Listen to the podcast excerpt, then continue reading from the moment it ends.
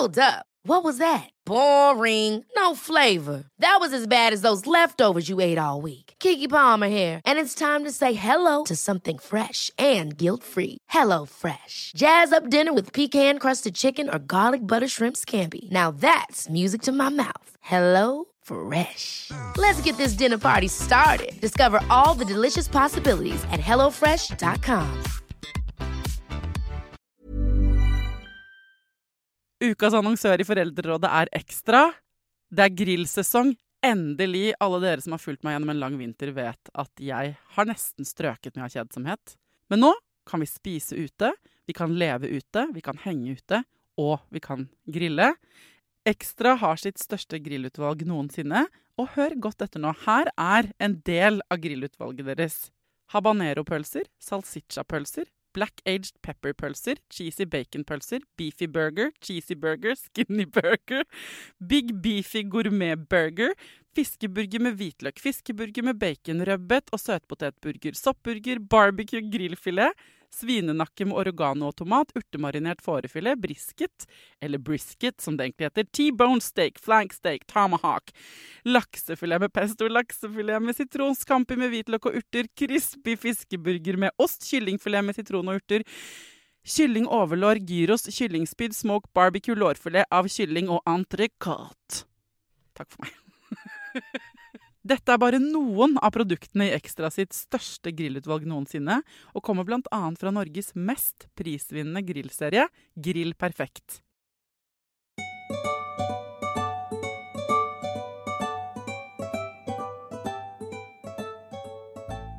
I dag er Line Marie Warholm tilbake enda en gang her i Foreldrerådet. Hun har skrevet boka 'Foreldrerevolusjonen fire veier til robuste barn'. Vi har allerede gått gjennom vei nummer én og vei nummer to, som ifølge Line Marie skal uh, gi oss mer robuste barn. da. I dag er det duket for vei nummer tre.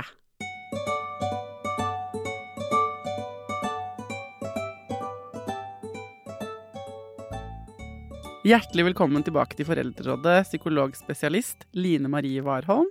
Tusen takk. Du er også spaltist i Aftenposten, forfatter av eh, Foreldrerevolusjonen, en bok med undertittel 'Fire veier til robuste barn'. Mm. Og så er du foredragsholder. Ja. Og så har du vært her noen ganger før. Mm. Eh, og i denne foreldrerevolusjonen, da, dette prosjektet du har lansert, eh, som er en bok, men også et prosjekt, har jeg inntrykk av, Ja. hvor du vil at vi skal våkne. Ja. Vi må ha et paradigmeskifte Ja, i foreldrestilen. ja der har vi jo i de to Revolusjon. Mm. Altså, med hyttet neve, liksom. Ja. Barne, Knyttet neve, holdt jeg på å si. barnehånd. Knyttet barna. Ja. Eh, vi har vært gjennom to veier allerede. Det ene er eh, det å lære ungene våre å tenke selvstendig. Mm. Sant? Det var den første episoden. Hvis du som hører på har lyst til å gå tilbake, så, så søk på eh, robuste barn, så får du opp de episodene vi har laget. Eh, og så var det den forrige episoden som kom ut. Det var om eh, hvordan vi ikke skal sykeliggjøre følelsene til ungene våre. Mm. Sant? Eh, og i dag har vi kommet til vei nummer tre. Den heter Fra jeg til vi. Hva handler det om? Det handler om det enorme individfokuset vi har i dag, som vi kanskje har hatt ikke, de siste 20 årene, eh, hvor vi er veldig opptatt av at individet skal opp og frem, mer til fordel for eh, å snakke om fellesskap, da. Ja. Og jeg husker jo sånn, altså sånn helt tidlig på 2000-tallet, så var det jo liksom et tema at at nå var vi så individualisert samfunn, og det var liksom snakk om selvrealisering, og hva gjør dette med oss, dette fokuset på individet snakket vi om da. ja.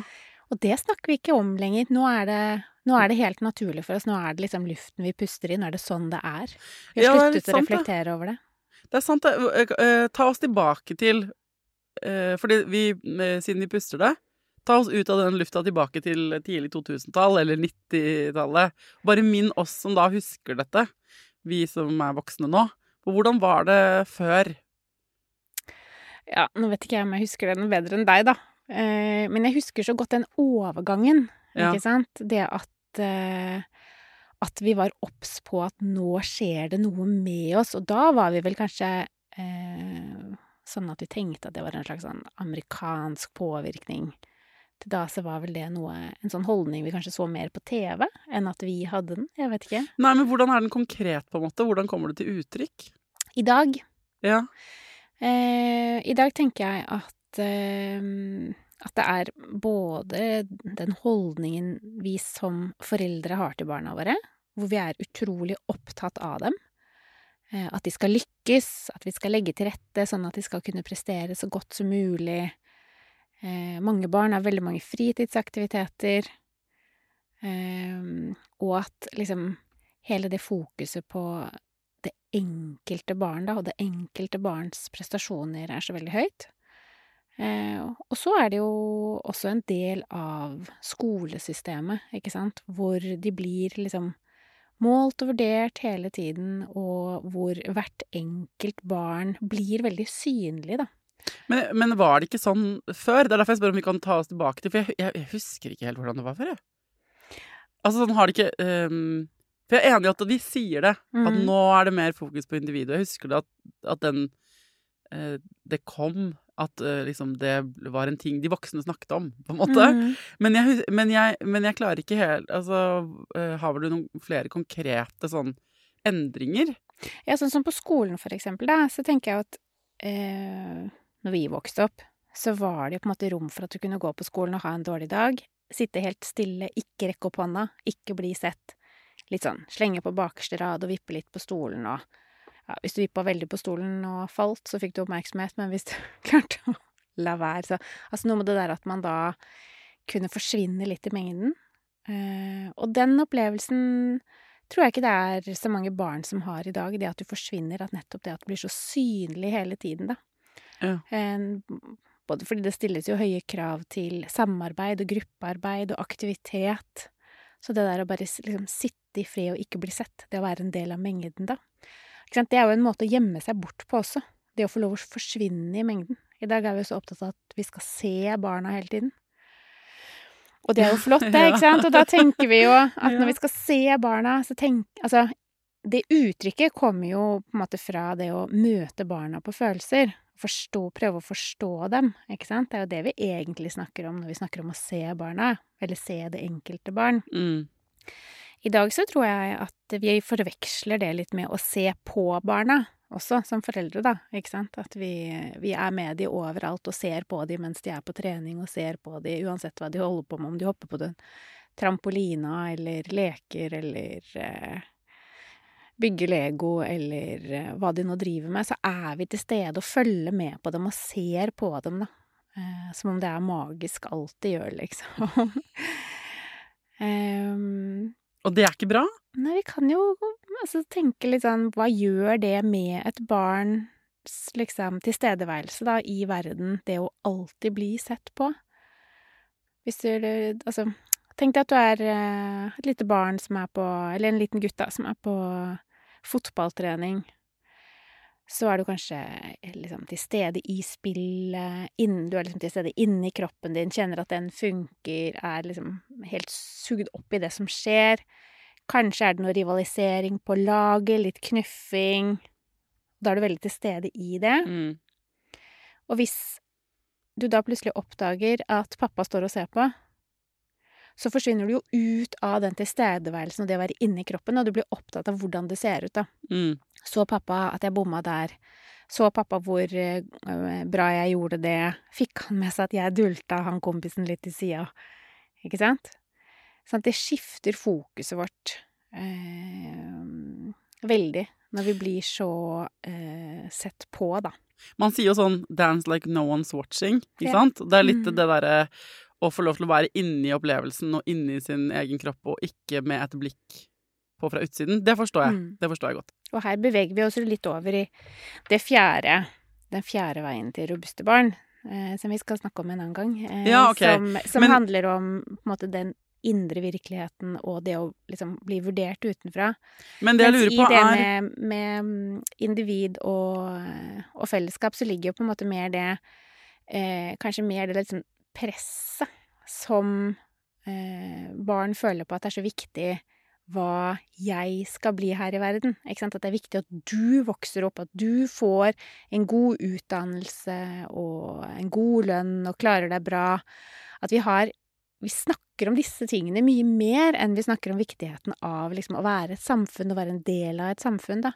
Og kanskje særlig Ikke sant? Og vi kan tenke oss da at når fokuset er veldig på individet, så blir blir det også liksom mot prestasjon, ikke sant? At man skal prestere, man skal få til ting, som jo er noe helt annet. Men bare hvis jeg Ja. bremse deg litt, for at eh, vi, for å eh, Det er jo ikke sånn at Det kan høres litt ut som om du av og til mener at ting var bedre før. Og du Mhm. har allerede sagt til meg at ja, men kanskje var noen ting bedre før.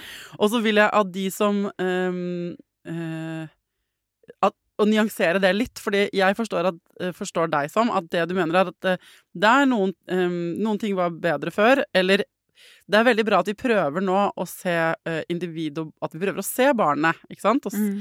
um, men at det har kommet med noen følgefeil i det som ikke er så bra. Hvor vi har på en måte kastet eh, babyen litt ut med badevannet, eller sånn eh, eh, Vi har gått vekk fra det vi holdt på med på 80-tallet eller tidligere, eller liksom da, ja, da vi vokste opp.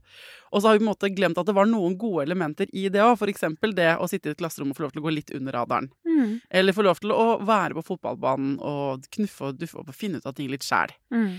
At eh, eh, Men jeg vil bare at det mm, understreke, eller hjelpe deg å understreke at du ikke mener at vi, vi skal gå tilbake. Nei, nei. Eller mener du det? Nei, nei. Nei, nei.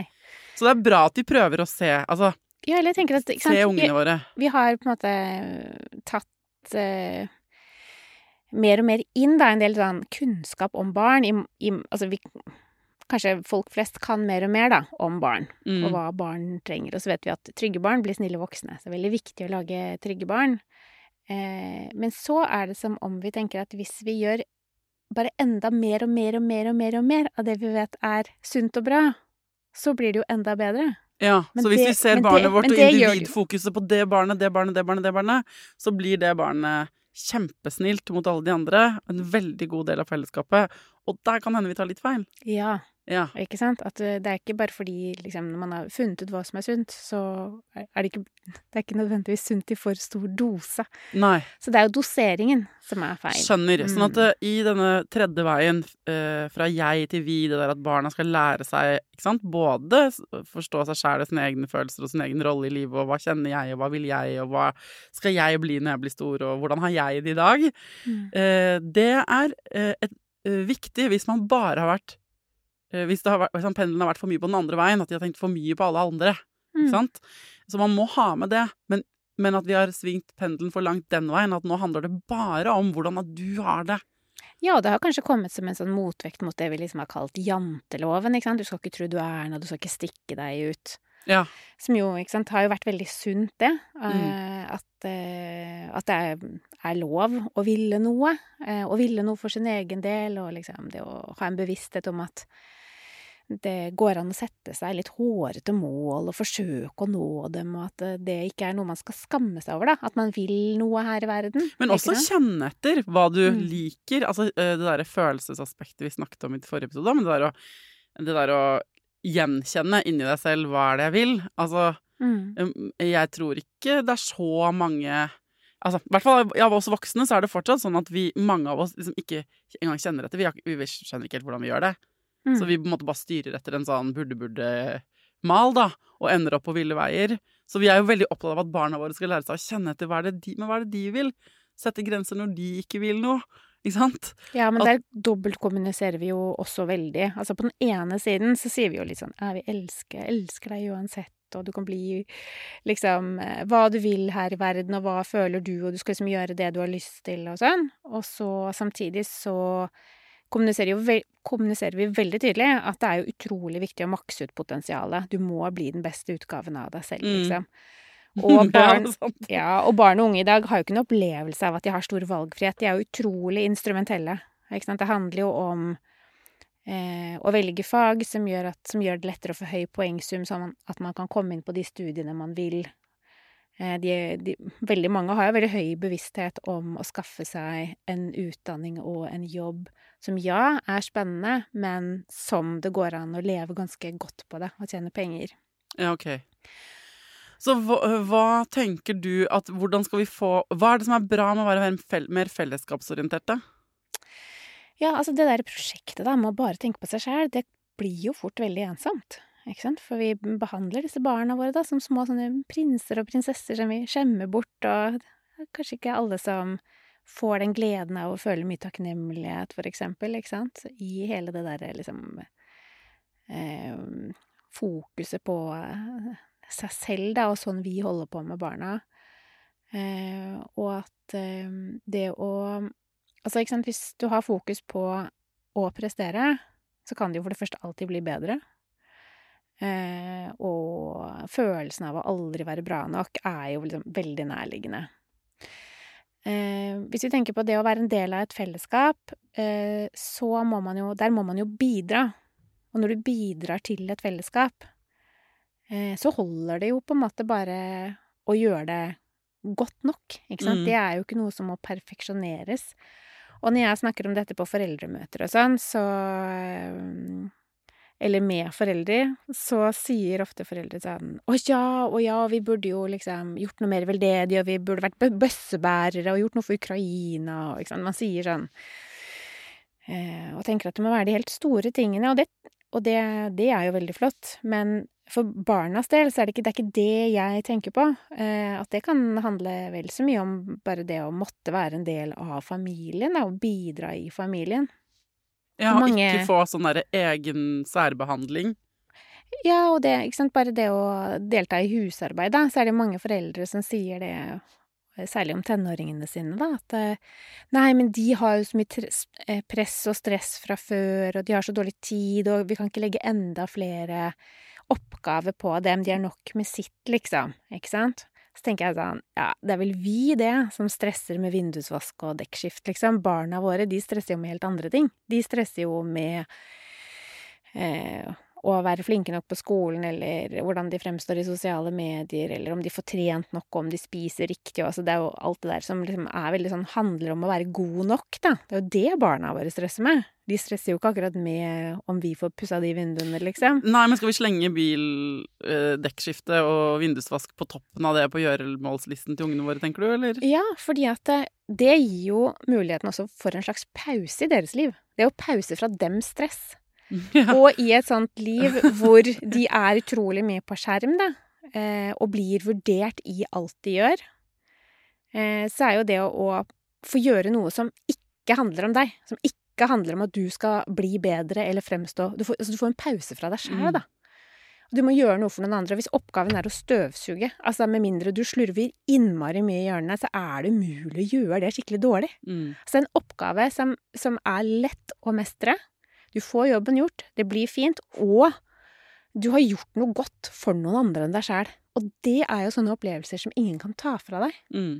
Og jeg syns det er så flott. Nå er det jo noen sånne eh, barnehager og sånn hvor man har det eh, mer sånn samarbeid med sykehjem og sånn, ikke sant? Hvor barna Ja. går på besøk til de voksne. Ja, det er Altså, så nydelig. Sånne er videoer på sosiale medier får meg til å gråte. Ja, det er så fint, ikke sant? Og det tenker jeg, det er jo fint for de på sykehjemmet, men jeg tenker jo eh, at det kanskje har aller størst effekt på barna, da. Som fordi så mange barn i dag mangler den typen erfaringer. Det med at Mm. liksom at det handler ikke om at du skal få det du har lyst på hele tiden, men det at du i dag har gjort noe som har gledet et annet menneske. Mm. Du betydde en forskjell i noens dag, liksom. Det å gi barna den type erfaringer da, tror jeg er mye viktigere for barnas psykiske helse. Men der også er det sånn, for det du beskriver nå, det der med barn som drar på et sykehjem, og som det, det, er, det åpenbart at de gleder noen andre. Eh, eller det eksempelet ved at du setter en tenåring til å støvsuge hjemme. Mm. Der er det jo sånn de får jo, Det er kanskje ikke like naturlig å være sånn Nå støvsugde du i gangen, og endelig, nå har du gjort noe på felles Altså sånn eh, Det er to veldig det er liksom, For meg blir det i hvert fall litt, sånn, litt kunstig å skulle Ja, men- applaudere det så ja, fantastisk men, mye. sant, dette handler ikke om applaus, det er jo det som er så viktig. Ja, ok. Det, det, det er bare viktig at du sier det, for jeg føler at vi da kan også si sånn Ok, nå når jeg går hjem nå etter å ha hørt denne episoden, så skal jeg sette tenåringen min til å gjøre noen fellesskapsting, og så skal vi være like takknemlige som gamle folk på sykehjem er når de får besøk av en barnehage. Mm.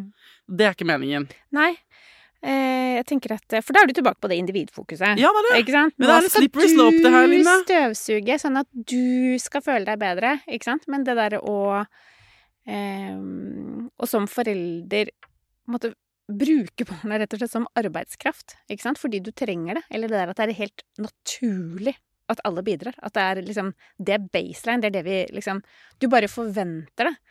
Ikke sant? Du Ja. er et menneske på lik linje med oss andre i denne familien. Du må også bidra. Du har også ressurser og kan bidra med noe, liksom. Jeg har et veldig tydelig eksempel fra min egen ungdom, hvor Mm. Eh, vi dro på hytta hver bidige helg, og det ville jeg jo ikke være med på når jeg var sånn 15. Jeg hadde lyst til å være alene hjemme. Fikk ikke lov til det. Og jo surere jeg ble, eh, jo mer tvang de var med på Mm. hytta, eh, eh, fordi vi måtte gjøre dugnadsting, da. Mm. Sånn er det fortsatt, faktisk. Nei da. Hei, mamma. Men eh, jeg husker at en av oppgavene jeg fikk Det er mange oppgaver som var helt naturlige, som vi bare måtte Som vi fordelte i familien, ikke sant? Og der var jeg 15 år, jeg var stor nok til å kunne gjøre mange ting. Det pappa satte meg til, det var å rense fjorårets tau som hadde ligget i vannet og fått sånn masse alger på seg. Og måten det ble gjort på, det var at man kveilet tauet sammen til en bunt, dyppet det i sjøvann og klinte det inn i fjellveggen. Gang på gang på gang på gang på gang. på gang. Og jeg skjønte ikke før jeg ble voksen, så jeg tok jeg opp det med mamma og pappa. Fordi jeg husker så godt at jeg fikk den jobben, og at det var en så aggressiv jobb. Det var så sinnssykt mye aggresjon og frustrasjon som å smelle det våte tauverket inn i det fjellet. Så det bare smalt og sprutet sånn dritt alle veier. Eh, så spurte jeg sånn, var dere liksom smartere enn jeg etter kred for? Og pappa bare å ja, den jobben. Mm, eh, det var vår terapi. Du, jo surere du var, og jo mer hormoner som raste i din kropp, jo mer fikk du sånne jobber, spesielt det tauverket. Og etterpå snill som et lam. Og det, eh, Det vil jeg også- legge inn der, at liksom det er lov Og det sa de ikke noe om, ikke sant? Det var Nei, ikke noe sånn nei. Og gjorde Da hadde det jo ikke funka. Nei, det hadde ikke funka. Men kombinasjonen av at jeg ble satt til det, som bare ville være hjemme og sminke meg og være sammen med venninnene mine, Mm. eh, og så at vi fikk opp den lille båten, fikk på motoren på den, så jeg kunne kjøre i plan med en liten jolle på fjorden etterpå, Mm. som er verdens beste frihetsfølelse for de som har gjort det. Den kombinasjonen der gjorde at jeg ble et nytt menneske etter hver sånn dugnadshelg. Mm. Mm. Ja, ikke sant. Jeg tror ikke tauene var så skitne som pappa skulle ha det til Nei. i den perioden. Eh, Så eh, det er jo noe vi kan ta med oss ikke sant? Og, s- eh, hjemme når det koker litt. Mm. Og bare i praksis, i hverdagen, uh, sende ungene ut på oppdrag. Uh, ta dem ut av their misery og, og på en måte med det de nå enn sliter med. Og si sånn Ja, nå, vi kan snakke mer om det etterpå, men nå trenger vi en, et lass med ved. Kunne du hentet det, og så kan dere gå med søpla, og så kan, trenger vi en støvsugerrunde. Altså man kan på en måte uh, sette dem i arbeid og vite Mm. at det er bra for uh, dem på mange måter, da. Ever catch yourself eating the same flavorless dinner three days in a row? Dreaming of something better? Well, HelloFresh is your guilt free dream come true, baby. It's me, Gigi Palmer.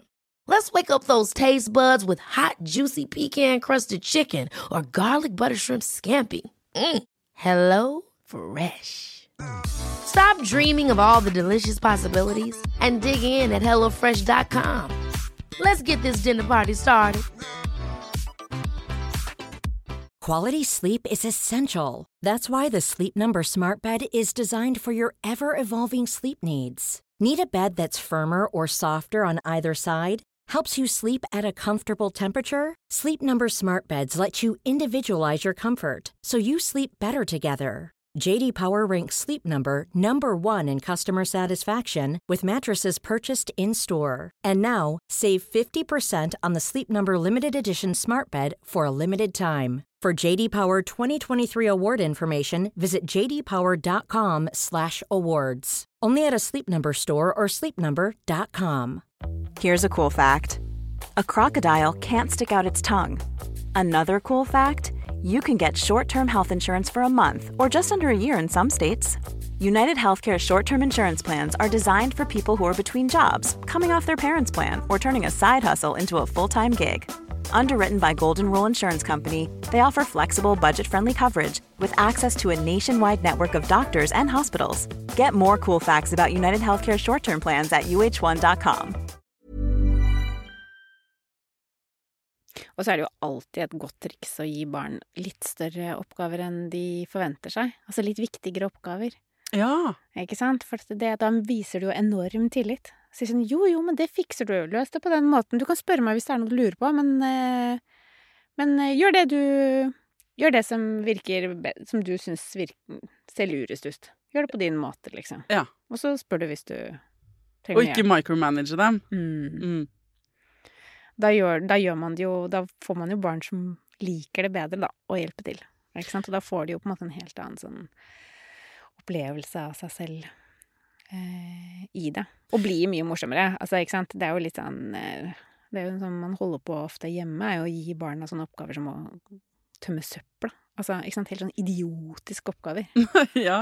Som er kjempekjedelig. Tømme oppvaskmaskinen og gå med søpla, liksom. I stedet for å gi dem større oppgaver som syns mer, da. Ok, så du anbefaler oss å gi dem laste på dem mer? Ja. Litt viktigere oppgaver, liksom. Ikke gi dere dusteoppgavene. Altså, hvis man skal gjøre noe på kjøkkenet, kan man jo heller liksom gjøre sånn OK, eh, denne uka foreslår jeg at du planlegger alle middagene. Pass på at det er noe Det hadde vært interessant hjemme hos oss, ass. Da har vi mye rart.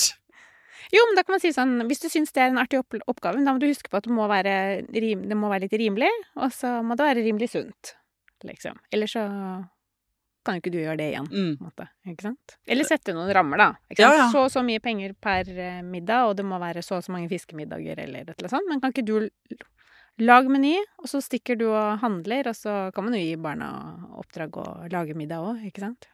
Ja, uh, avhengig av hvor gammelt barnet er, da, Ja, ja. så er mitt personlige tips Og hvis dere bor i nærheten av en butikk, og du er trygg på at barnet kan gå i den butikken selv, så hadde jeg det veldig mye gøy med da vi bodde i byen, at jeg sendte av gårde min unge, fra han var sånn seks år, med bankkortet mitt ned på butikken. Og så er det som Du, vi lager det du kjøper.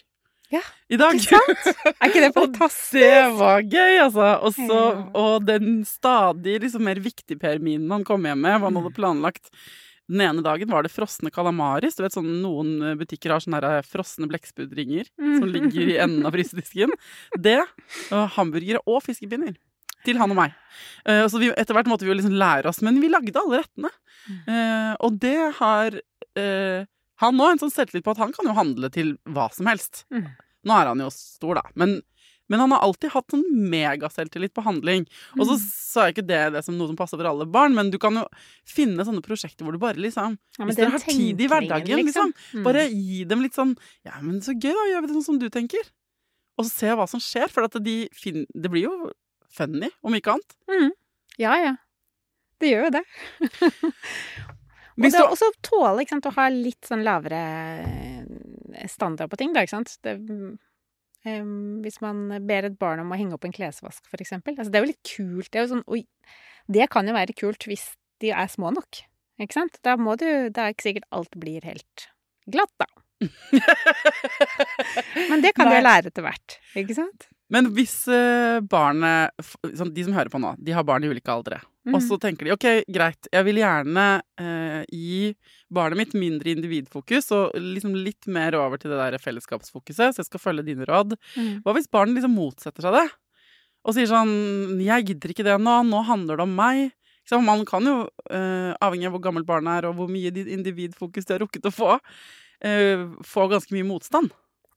Ja, eh, i Foreldrerevolusjonen så skriver jeg jo ganske mye om det å tørre å være eh, ikke nødvendigvis en autoritær forelder, men en forelder som, som setter seg litt i respekt hos barna.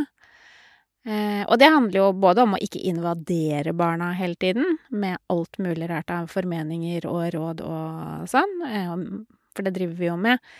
Eh, men også må liksom holde veldig på noen grenser og, og stille noen krav. Eh, så det er jo på en måte en sånn generell holdning, ikke sant? Og så samtidig, hvis man da har kommet litt sånn skjevt ut på det, eh, så kan det jo være på sin plass at man liksom liksom setter foten ned og lager noen eksempler, da. Ikke sant? For eksempel da, hvis barna sier sånn Nei, det gidder jeg ikke, og liksom ikke er med på dette fellesskapsprosjektet i det hele tatt, så går det jo også an å si sånn Ok, men her må alle bidra. Så det er greit, men hvis ikke Hvis ikke du eh, Altså, nå er det din oppgave å lage middag. Så hvis ikke du lager middag, da blir det ikke noe middag. Og så bare lar man være å lage middag. Ikke sant? At det går an å gjøre det. Og du trenger ikke å du, Det er ikke veldig mange ganger du trenger å gjøre det før barna liksom har tatt tegninga. Ikke sant? Eller at de sier sånn 'Skal ikke du kjøre meg?' Jo, jeg skal kjøre deg på trening når du har gjort det du skulle, liksom. Men du har jo ikke løftet en finger ennå. Du har ikke gjort det du skulle, og ikke gjort dine forpliktelser i dag. Eh, så når du har gjort dine, skal jeg gjøre mine.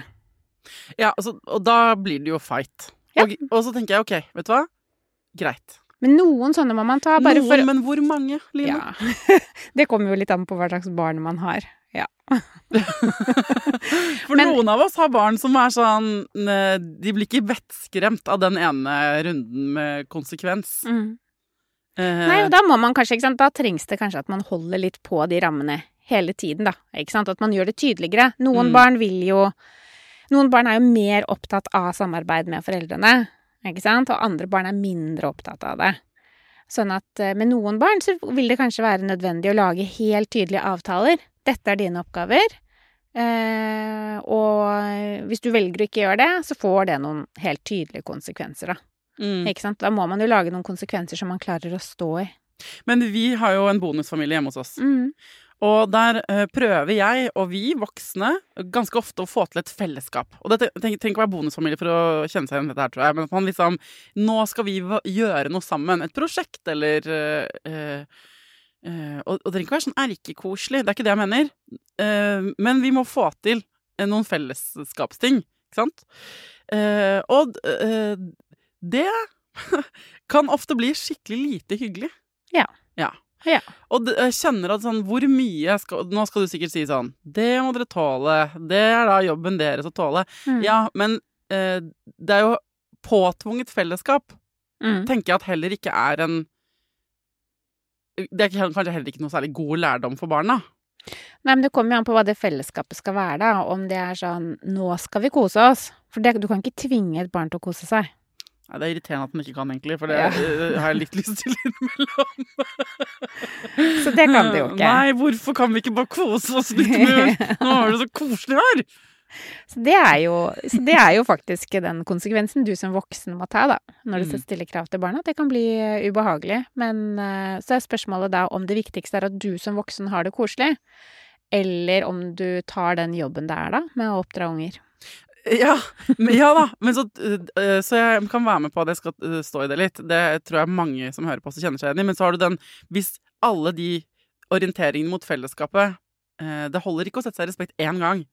Det bare blir ikke noe gøy i perioder at hele familien skal holde på med et eller annet prosjekt. Jo, men når jeg sier fellesskap, så handler ikke det om at man må gjøre ting eh, sammen nødvendigvis. Det handler mer om en omtanke for fellesskapet, eller det å ta hensyn, da. Sånn at eh, da tenker jeg at det kan også handle om eh, at hvis eh, du er sliten en dag og trenger å få være helt i fred, at barna kan backe litt av og klare seg litt mer selv, da. Mm. Ikke sant? Det er ikke nødvendig, det er ikke sånn derre å, nå skal alle sette seg ned og spille ludo, liksom. Det er ikke Bra det er, ikke, det er ikke sånn fellesskap jeg tenker på. Det er ikke sånn der uh, leirbålstemning og gode historier nødvendigvis. Det å Nei. te være en del av et fellesskap er også å gi folk space når de trenger space. Ja, og ikke Eller- være så opptatt av seg sjøl. Altså, det handler jo litt om å bare ikke være så egoistisk, da. Og så tenker jeg én ting er jo uh, fellesskapet i familien. Eh, men dette blir jo også veldig sånn eh, tydelig, tenker jeg, når vi snakker om ensomhet og utenforskap. Eh, hvor vi jo For det snakker vi jo mye om i dag. Mm. Det er vondt å være utenfor. Så på den ene siden så behandler vi barna som sånne små prinser og prinsesser og i deres prestasjons... Altså og det, ensomt prosjekt. Og så snakker vi masse om ensomhet. Det er jo ikke noe rart at vi får masse ensomme mennesker når vi har liksom et sånt samfunn hvor det også er så stor konkurranse, og hvor jeg tror mange barn opplever at det er sånn alle mot alle, altså. Du må opp og fram, liksom. Mm. Åssen skal det gå med deg, tenker vi om barna våre, ikke sant. Vi er redde for at ikke de skal klare seg. De ungene plukker jo opp den angsten. Så det er jo på en måte eh, Og da når vi snakker om ensomhet og utenforskap, så snakker vi jo alltid om de som blir holdt utenfor. Vi snakker om at det er så fælt, og nå må vi gjøre noe så ikke det Ingen skal oppleve det, og Ikke sant? Alle sånne artikler og bøker om ensomhet begynner med dette 'Vi er flokkdyr'. Det, vi blir syke Ja. når vi ikke får være en del av flokken. Ikke sant? Um, og så blir det sånn bare sånn hjerteskjærende vas. Men altså, hvis hvis vi skal eh, Hvis vi skal ha barn som tar litt ansvar for å invitere andre inn, så kan jo ikke de bare tenke på seg selv. Ikke sant? At det er noe med å snu på det. Altså hvis vi skal, hvis vi skal jobbe mot ensomhet og utenforskap, så må vi jo oppdra barn som har omtanke for fellesskapet. Og som ikke bare tenker på at jeg må passe på at jeg ikke faller utenfor. Mm. Fordi nettopp det å invitere den som står utenfor inn, grunnen til at vi holder folk utenfor, er jo fordi vi er så redde for å falle utenfor selv. Mm. Ikke sant? Sånn at der handler det også om å snu på den tankegangen, da. At eh, det holder ikke å snakke om hvor vondt det er å bli holdt utenfor, og det holder ikke at vi voksne liksom, tenk, liksom setter det på agendaen, liksom. Vi må jo faktisk oppdra barn som er modige nok Mm. til å selv risikere å havne litt utenfor, eh, og som har en omtanke for andre mennesker, da. Så det er også noe med, det handler ikke bare om hva du som forelder skal gjøre med ditt barn, men hele boka mi er jo også en sånn, et sånt blikk på det samfunnet vi vokser opp i. er jo egentlig like relevant for alle oss voksne Ja. også. Hva er, det vi, liksom, hva er det vi holder på med her?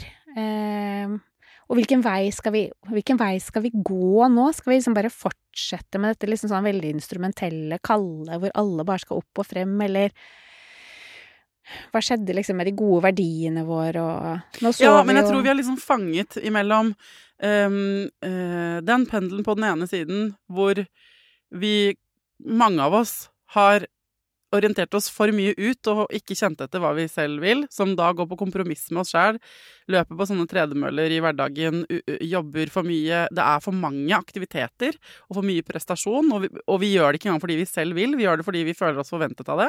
Og så har du øh, er motsvaret til det. Kjenn innover. Kvinne spesielt. Kjenn innover. Hva føler du? Hva er det du vil? Sett dine grenser. Alt det der. Som er dritviktig. Men Mm. inni den gruppa er det også ganske ensomt. Mm. Og det å finne det balansepunktet? Du må via å kjenne etter inni deg. Mm. Har du lyst til å gå på skitur, eller har du lyst til å ligge på sofaen? Mm. Har du lyst til å være sammen med folk, eller har du lyst til å være alene? Du må via ditt eget følelsessenter, ellers så havner du helt på vi- ville veier. Men hvis du blir sittende alene inne i følelsessenteret ditt, dag ut og dag inn, så får du det ikke noe særlig koselig, for du, du skal også ha et fellesskap. Så du Mm. trenger Det er totrinnsrakett. Du trenger først å ha kontakt med deg sjæl, og så trenger du å gå ut i verden eh, og ha kontakt med andre i tillegg. Du får ikke egentlig ekte kontakt med andre hvis ikke du er til stede med, med dine egne følelser. Da Mm. blir det en sånn hybridfellesskap hvor du blir sliten og går hjem. Men det å finne det balansepunktet Jo. er drittvanskelig. Ja, og så, ikke sant, fordi at vi tenker jo at Altså, da, da er vi litt på det at vi glemmer å skille mellom det å vite hva man tenker og føler, det å liksom ha kontakt med seg selv innover, det er jo helt avgjørende for å ha det bra. Det er helt avgjørende. Men bare fordi du vet hva du føler, behøver det, betyr ikke det at du behøver å gjøre det. Nei! For ofte så holder det å vite hva du vil. Du trenger ikke å gjennomføre det. 100%. Du kan likevel ta hens... Altså, realiteten Du må jo forholde deg til realiteten ja. rundt deg, liksom. Men bare det å ha den kontakten, da. Og når jeg snakker om individ versus fellesskap, så tenker jeg at i det individfokuset så får ikke barna våre kontakt med seg selv. Ikke sant? De får ikke kontakt med egne behov. At i det individ, individfokuset så ligger det et voldsomt prestasjonspress. Mm. Og Men det har sneket seg inn. Intensjonen har vært at de skal få noen kontakt med seg selv. Mm. Så sneket seg inn med det et sånt kjempefokus på prestasjon. Mm. Så det, det- kommer jo fra et godt sted. Og vi skal ikke bare- slutte å la dem kjenne innover med seg selv, men vi skal Nei. være obs på den derre lille rakkeren som ble med i den prosessen, som Mm. er fokuset på det. Sånn at både med oss sjæl, og med ungene våre Hvis jeg skal prøve å oppsummere denne Mm. veien til foreldrerevolusjonen, den Mm. vei nummer tre som du har skrevet om, så får du se om jeg har forstått det riktig, Line. Men det er sånn at eh, vi har kommet et stykke på veien der hvor vi før ikke brydde oss, kanskje, da, eller visste at vi eh, burde gå inn og kjenne etter, sånn som vi eh, gjør nå. Eh, så går vi nå veldig sånn individ... Hvordan har du det, lille barn? Eller hvordan har vi det? Vi, eh. Veldig sånn fokusert på individet. Og det er i utgangspunktet eh, gode intensjoner bak det, men vi kan bli litt stuck, og det kan bli litt for mye av det. Og vi glemmer da det gode som er fellesskapet, og at det eh, orienteringen ut og andre Da får vi egosentriske, prestasjonsbaserte unger som føler seg ensomme i ytterste konsekvens, da. Mm. Så eh, det du ønsker deg, er ikke en fullstendig omdreining, men det er en korreks. Mm. Hvor vi eh, vender snuten litt mer mot fellesskapet, og også fordi Eller ikke bare fordi det er bra for alle, men fordi det også er veldig bra for individet å være connecta til det fellesskapet der ute, da. Mm. Jeg syns du sa det fint, egentlig, og at eh, At sant, det handler ikke bare om eh, For en ting er jo det med å kjenne etter, som jo for så vidt liksom Det vi jo Det skal vi jo snakke mer om. Men eh, Men den verdien, da, av å høre til, at vi glemmer at det å være en del av noe Det er jo det som gir oss eh, Altså tilhørighet og trygghet, og at det er jo så viktig for oss. Mm. Vi snakker om ensomhet og utenforskap, og så glemmer vi at hvis vi ikke skal føle oss utenfor, så må vi ha et fellesskap. Og hvordan skal vi skape Da må vi ha mer fokus på å lage fellesskapene våre, ikke Mm. sant? Ikke bare snakke om eh, individets eh, rettigheter, eller individet som et offer, da. Eh, men mer liksom den derre gode i det å være en del av et fellesskap, og ikke nødvendigvis liksom bli så Få så utrolig mye oppmerksomhet selv, da. Ja, for det, det, være en del av noe. Av hvor fint det er å være del av noe som er litt større enn seg selv. At det gir jo mening. Det gir en dypere mening, da. Ikke sant? Det er et sånn tomt og overfladisk prosjekt. Å bare ha fokus på seg selv. Mens at det å være en del av noe gir liksom mye mer sånn mening og sammenheng i tilværelsen. Og det gjør jo også at du på en måte kan ha det rimelig ålreit med deg selv også når du presterer litt dårlig. Ikke sant? Fordi eller har det dårlig. Eller har det Altså, fordi det eh, slår meg at når jeg er en skikkelig ræva dag, så er det ingenting som føles så godt som at eh, jeg snakker med søsteren min, og så, sånn, så hører hun meg gjerne ut, da, og jeg forteller Mm. hvor forferdelig jeg har det, og hvor lei meg er, og sånn. Og så sier hun sånn, ja, det er kjempebra. Jeg trenger egentlig at du blir med meg på posten.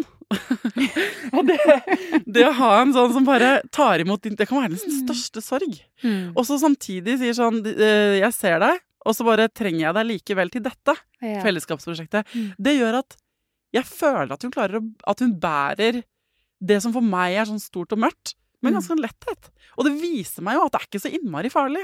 Mm. Og det er det jeg tenker at Det verste jeg vet, da, er når folk bare Å, du har det vondt. Og så stopper hele verden. Og så skal vi Mm. bare sitte med det, og så er det ingen vei ut av det rommet, på en måte. Og det er det vi Mm. kanskje gjør litt med ungene våre. At liksom, å, nei, har du hatt det vondt i dag? Stopp pressen! Ring desken! Skru av verden! Ungen min har det ikke noe bra. Og da blir det sånn voldsomt fokus. Men der hvor man er bare Ja, du skal selvfølgelig få snakke om det. Vi skal selvfølgelig innom det, og jeg er her for deg med, for det greiene der. Og så er det fint om du tar ut oppvaskmaskinen etterpå, for vi skal ha en middaggreie gående her. At man kan gjøre litt begge deler. Mm. At det også er lettende, liksom. Ja, det tenker jeg, og at eh, vi, vi liksom ofte blir sånn herre Når barna våre har det vondt, at ja, da skal vi liksom bare pakke de inn og ikke kreve noe av dem. Ja. Eh, men ofte så har jo barn og ungdom, når de har det vondt, så er det ofte liksom noe som er knytta veldig til en selv, da. At man føler seg avvist eller for dårlig eller utilstrekkelig eller et eller annet sånn. Og det, å da, det er jo nettopp da også man trenger det. Å bare gjøre helt sånn enkle oppgaver. Og, og liksom, det å bidra med noe, det å liksom få den opplevelsen av seg selv. Nå er jeg en som gjør noe bra for noen Mm. andre enn meg. Ikke sant? Ingen kan ta fra deg den opplevelsen. Liksom føler du, du blir jo et bedre menneske med en gang, Ja, liksom. trekke blikket ut av egen navle, liksom. Ja. Mm. Mm. Ok, eh, tusen takk for at du kom tilbake til Foreldrerådet, Line. Tusen takk for at jeg fikk komme.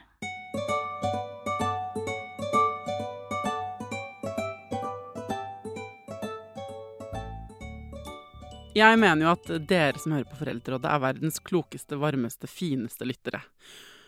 Hvis dere hadde sett innboksen min, så hadde dere skjønt hvorfor jeg sier det. Dere er så gode til å stille spørsmål til gjestene jeg får. Dere er gode til å foreslå temaer.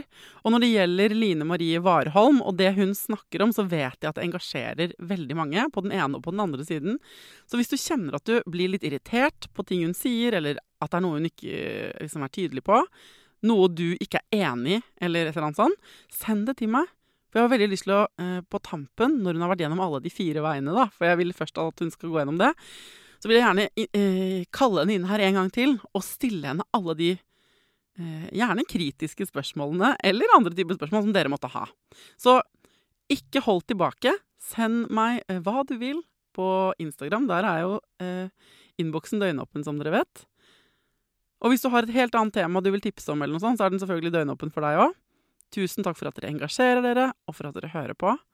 Til neste gang, ta vare på deg sjæl, ta vare på ungen din, og lykke til.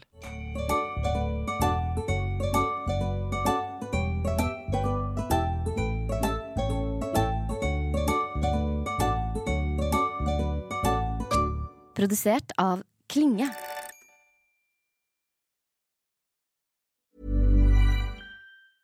Ever catch yourself eating the same flavorless dinner three days in a row? Dreaming of something better? Well, HelloFresh is your guilt-free dream come true, baby. It's me, Kiki Palmer.